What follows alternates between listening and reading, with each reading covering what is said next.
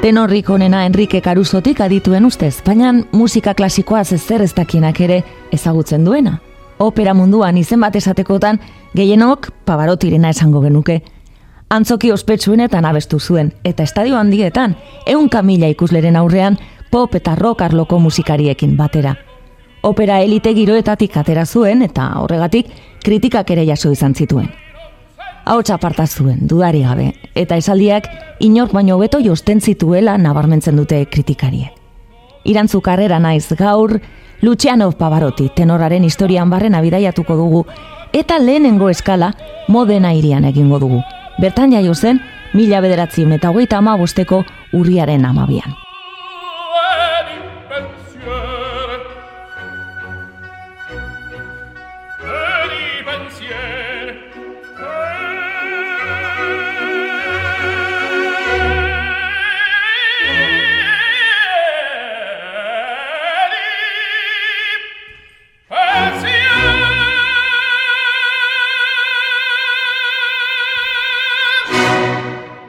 Lucianoren gurasoak Fernando Pavarotti okina eta hor zoragarriko tenor afizionatua eta Adele Venturi ziren. Amak zigarro fabrika batean lan egiten zuen. Pavarottik hortzaroa zitze egitean oso oroimen onak zituen, baina eguneroko bizitza ez omentzen erraza izan. Bigelako apartamentu batean bizi ziren Gabriela bere arreba eta laurak, eta bigarren mundu gerraren ondoren egoera okertzen, hasi zenean, modena kanpoaldeko baserri batera joan behar izan zuten bizitzera. Aitaka hotxe derra zuen lehen esan dudan moduan, baina netzen abeslari profesionalizatera iritsi. Jenda aurrean oso urduri jartzen omen zen. Oso arrozegoen semearen ahotsaz. Eta, kabonetan, modenako katedralean bi ahotsetara kantatzen zuten Panis Angelicus, Cesar Franck kompositoriarena.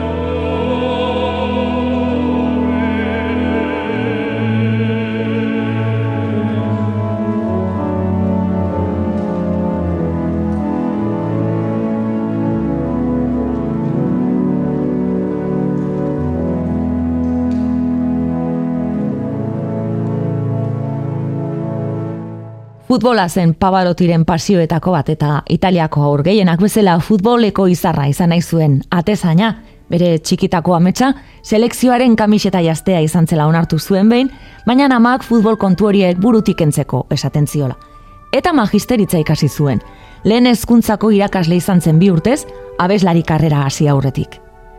Luciano kemeretzi urterekin hasi zituen kantu ikasketak. Arrigo Pola izan zuen maisu. Italiako tenor ezagunen bidea jarraitu nahi zuen. Enrico Caruso, Benjamino Gili eta Tito Eskipa ondo ezagutzen zituen eta denen gainetik Giuseppe Di Stefano zuen gustuko. Aitarekin, sekulako eztabaidak izaten omen zituen, aitarentzat teknikaldetik etzelako ainona ahotsa gehiegi irekitzen zuelakoan. Lucian hori bien bitartean gustatzen zitzaion ausarta zelako. Aurrerago, ez zuen Di Stefanoren teknika jarraituko ahotsa asko nekatzen zelako.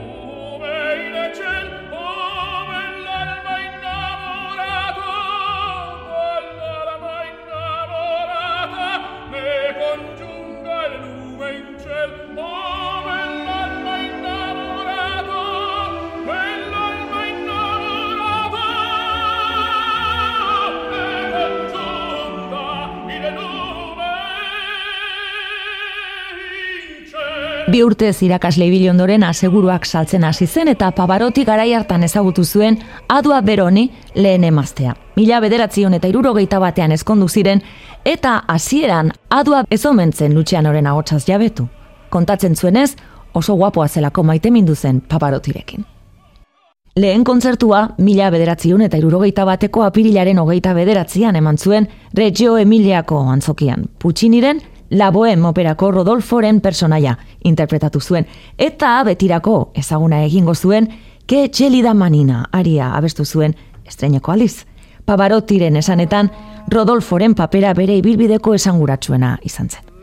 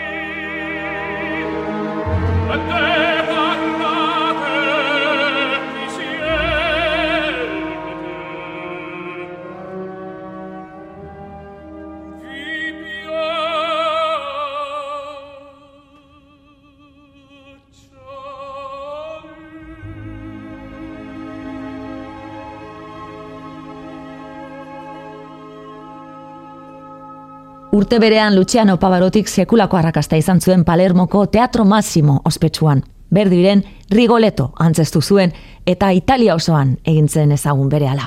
Handik aurrera, dena oso azkar joango zen. Atzerriko lehen emanaldia Belgradon edota Bienako operan abestea.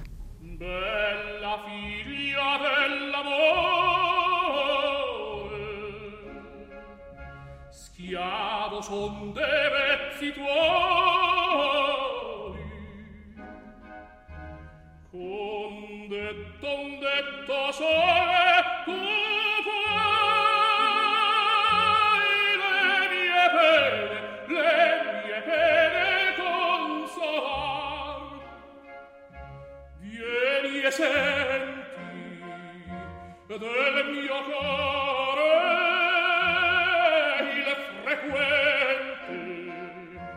palpitare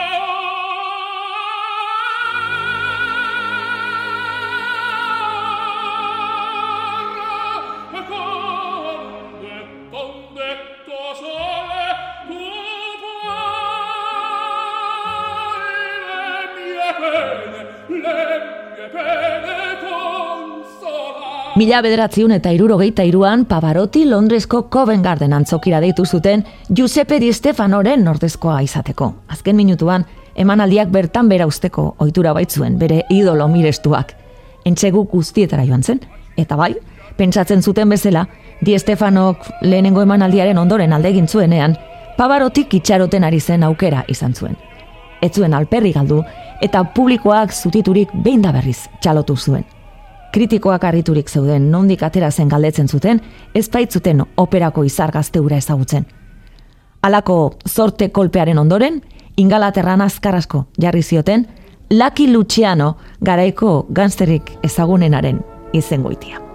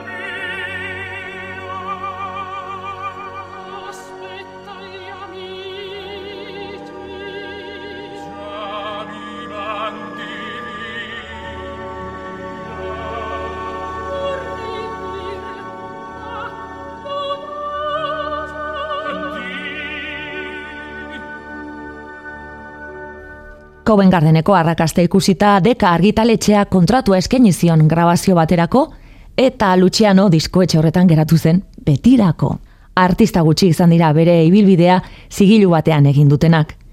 Gauzakonela Pavarotiren bizitzak aldaketan dixamarra izan zuen, denbora gutxian nazioarteko izar bihurtu zen.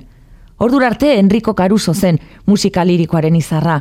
Kontuan hartu milioi bat disko saldu zituen lehenengo tenorra izan zela – baina pabaroti izan zen, operara joaten etzen jendearen miresmena ere lortu zuen izar berria.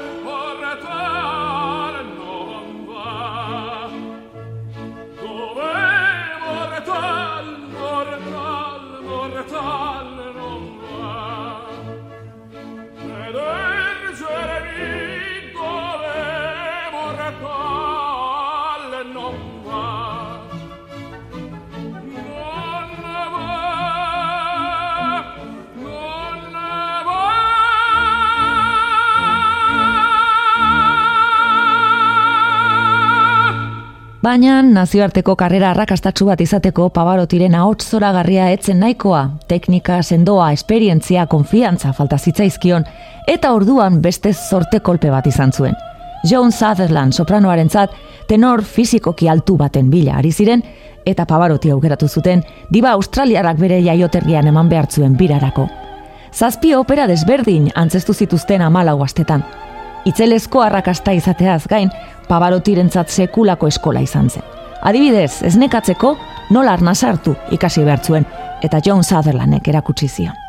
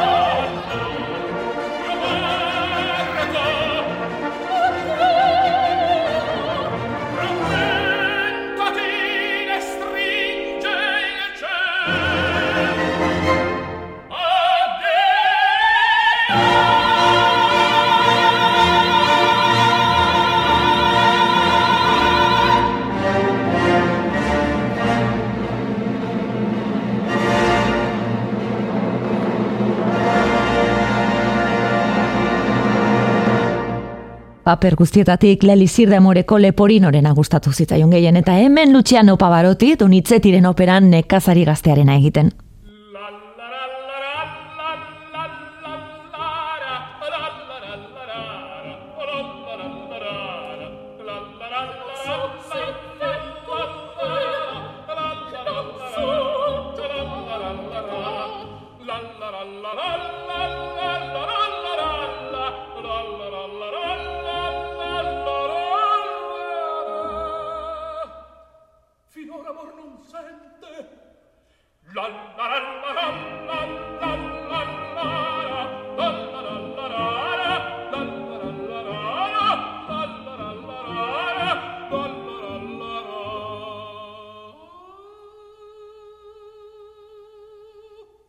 Eta mila bederatziun eta irurogeita zeian iritsi zen Luciano Pavarotiren konsagrazioa. Orduan ere, John Sutherlandekin batera kantatu zuen.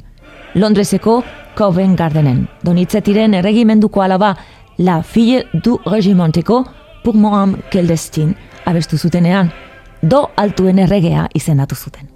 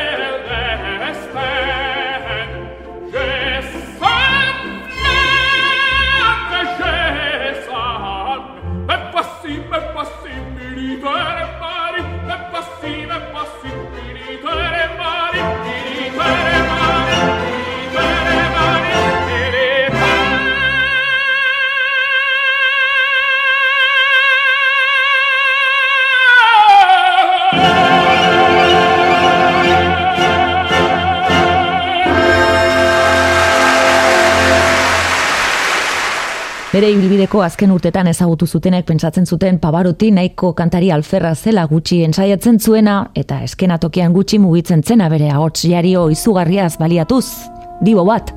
Baina netzen beti horrela izan. Deka etxearekin grabatzen hasi zenean irurogeiko amarkadan lana oso serio hartzen zuen.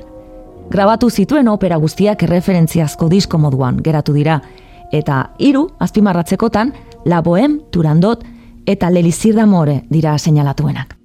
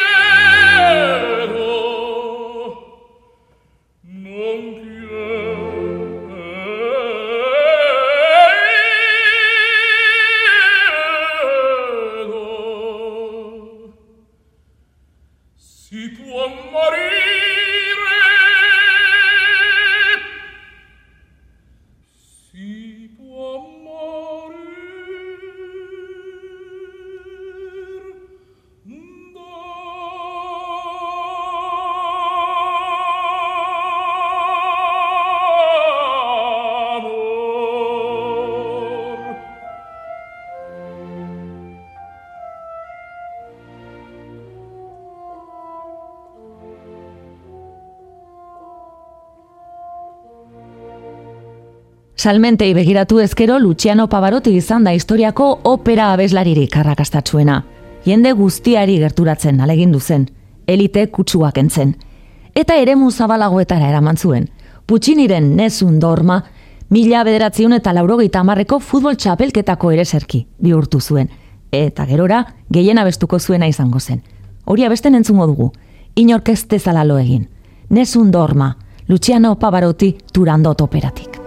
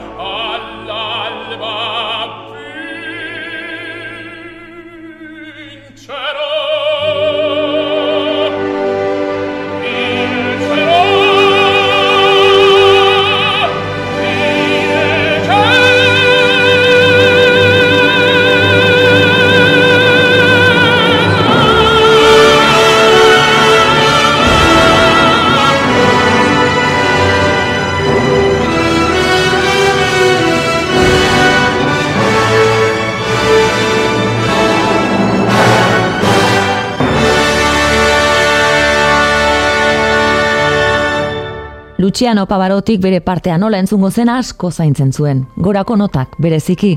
Zatirik zailenak beste kantariek baino lehenago grabatzen zituen, eta postprodukzioan bere abotsari volumena igotzeko agindua izaten zuten.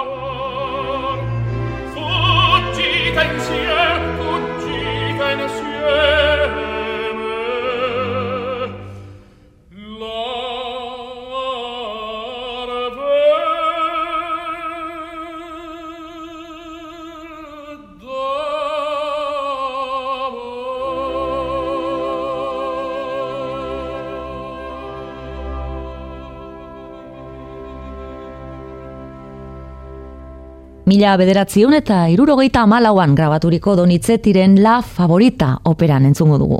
Pavarotti bere onenean zegoen agotza fresko eta indartsua. Ezin hobeto abesten ditu, beko notak eta zeresanik ezgoikoak. Do sostenidoa barne.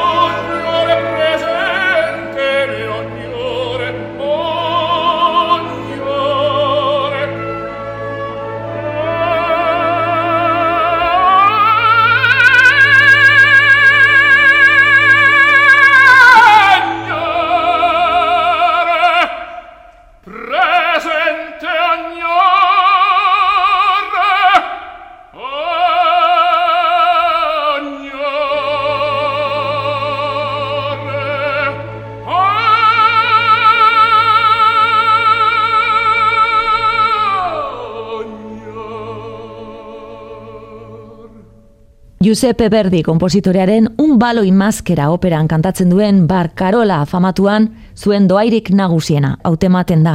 Hau da, bere kantatzeko eragarbia. Letra oso ondo ulertzen da notarik altuenetan ere.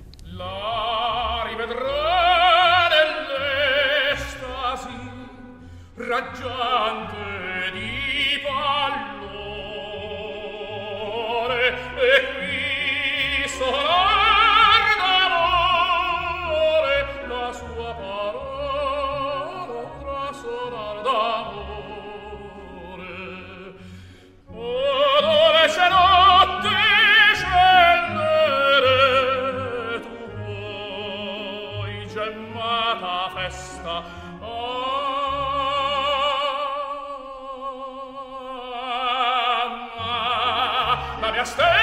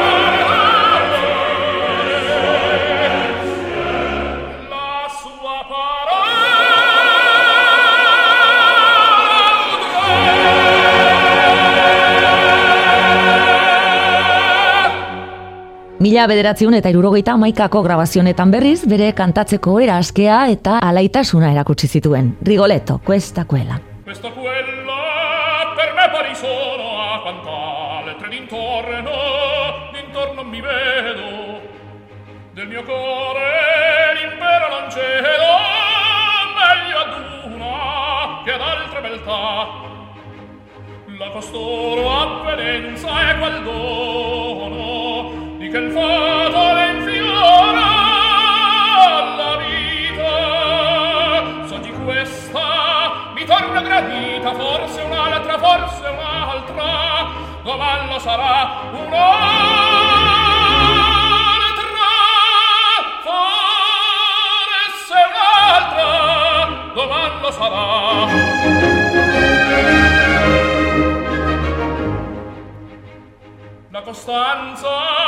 tiranda del cuore detestiamo quel morbo quel morbo crudele. So chi vuole si servi fedele non va non ho se non ve libertà. De mariti il geloso furore degli amanti le stranie derido anco d'arco tocchi di sfido se mi punge, se mi una qualche beltà se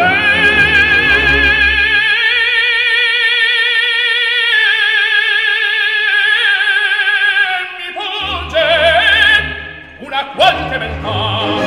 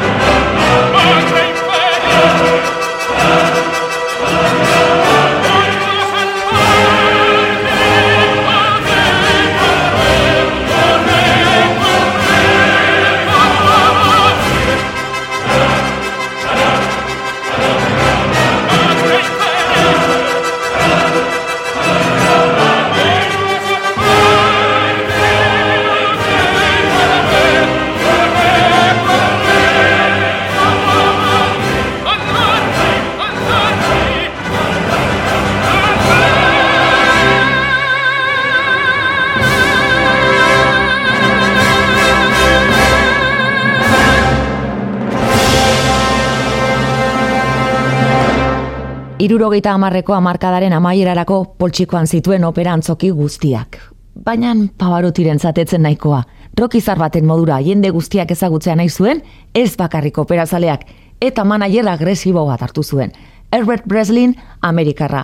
Musika munduan fama oso txarra zuena kontratuak burukatzeko moduagatik. Baina bere lana ondo ezagutzen zuena, bere ala ikusi zituen pavarotiren armak zeintzu ziren, irudia, indartsua eta ahotsi zugarria, eta Preslinek kanpaina erraldoi bat jarri zuen martxan. Tenorra, estatu batuetako Time aldizkarian portada izatea lortu zuen.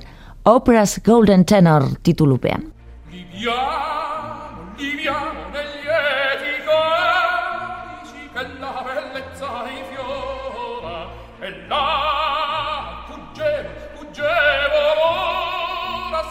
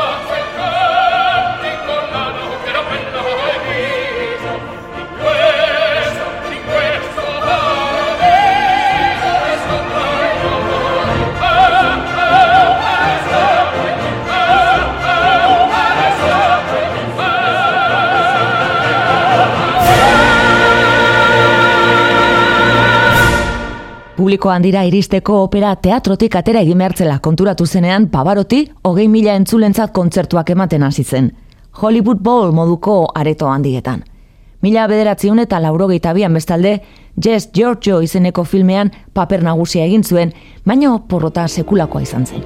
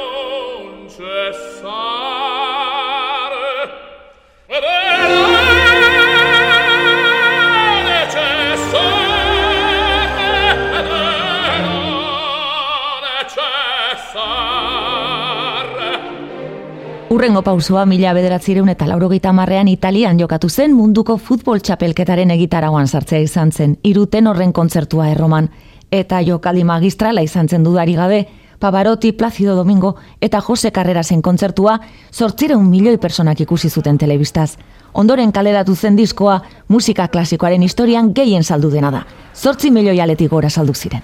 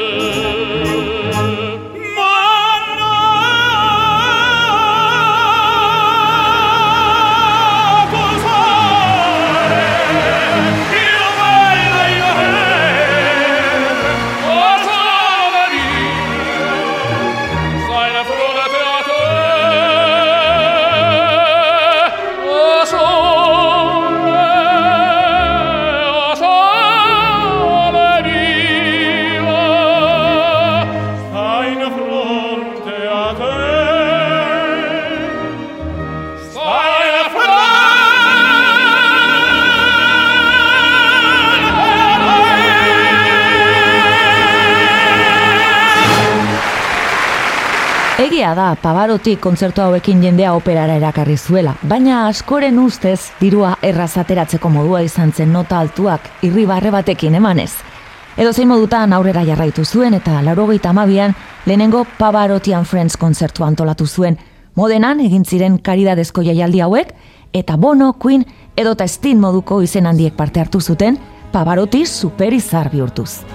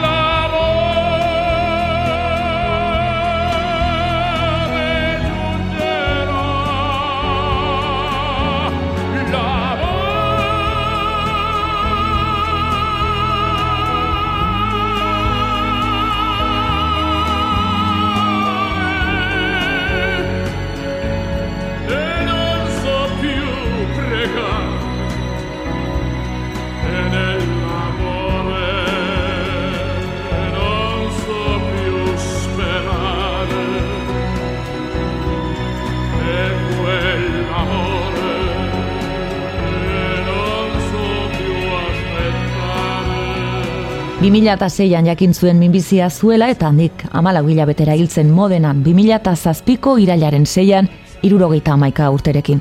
Bere hileta nazioarteko gertakaria izan zen azken agurra eman ziotenen artean, gobernu italiarreko kideak eta musika munduko izen ospetsu asko.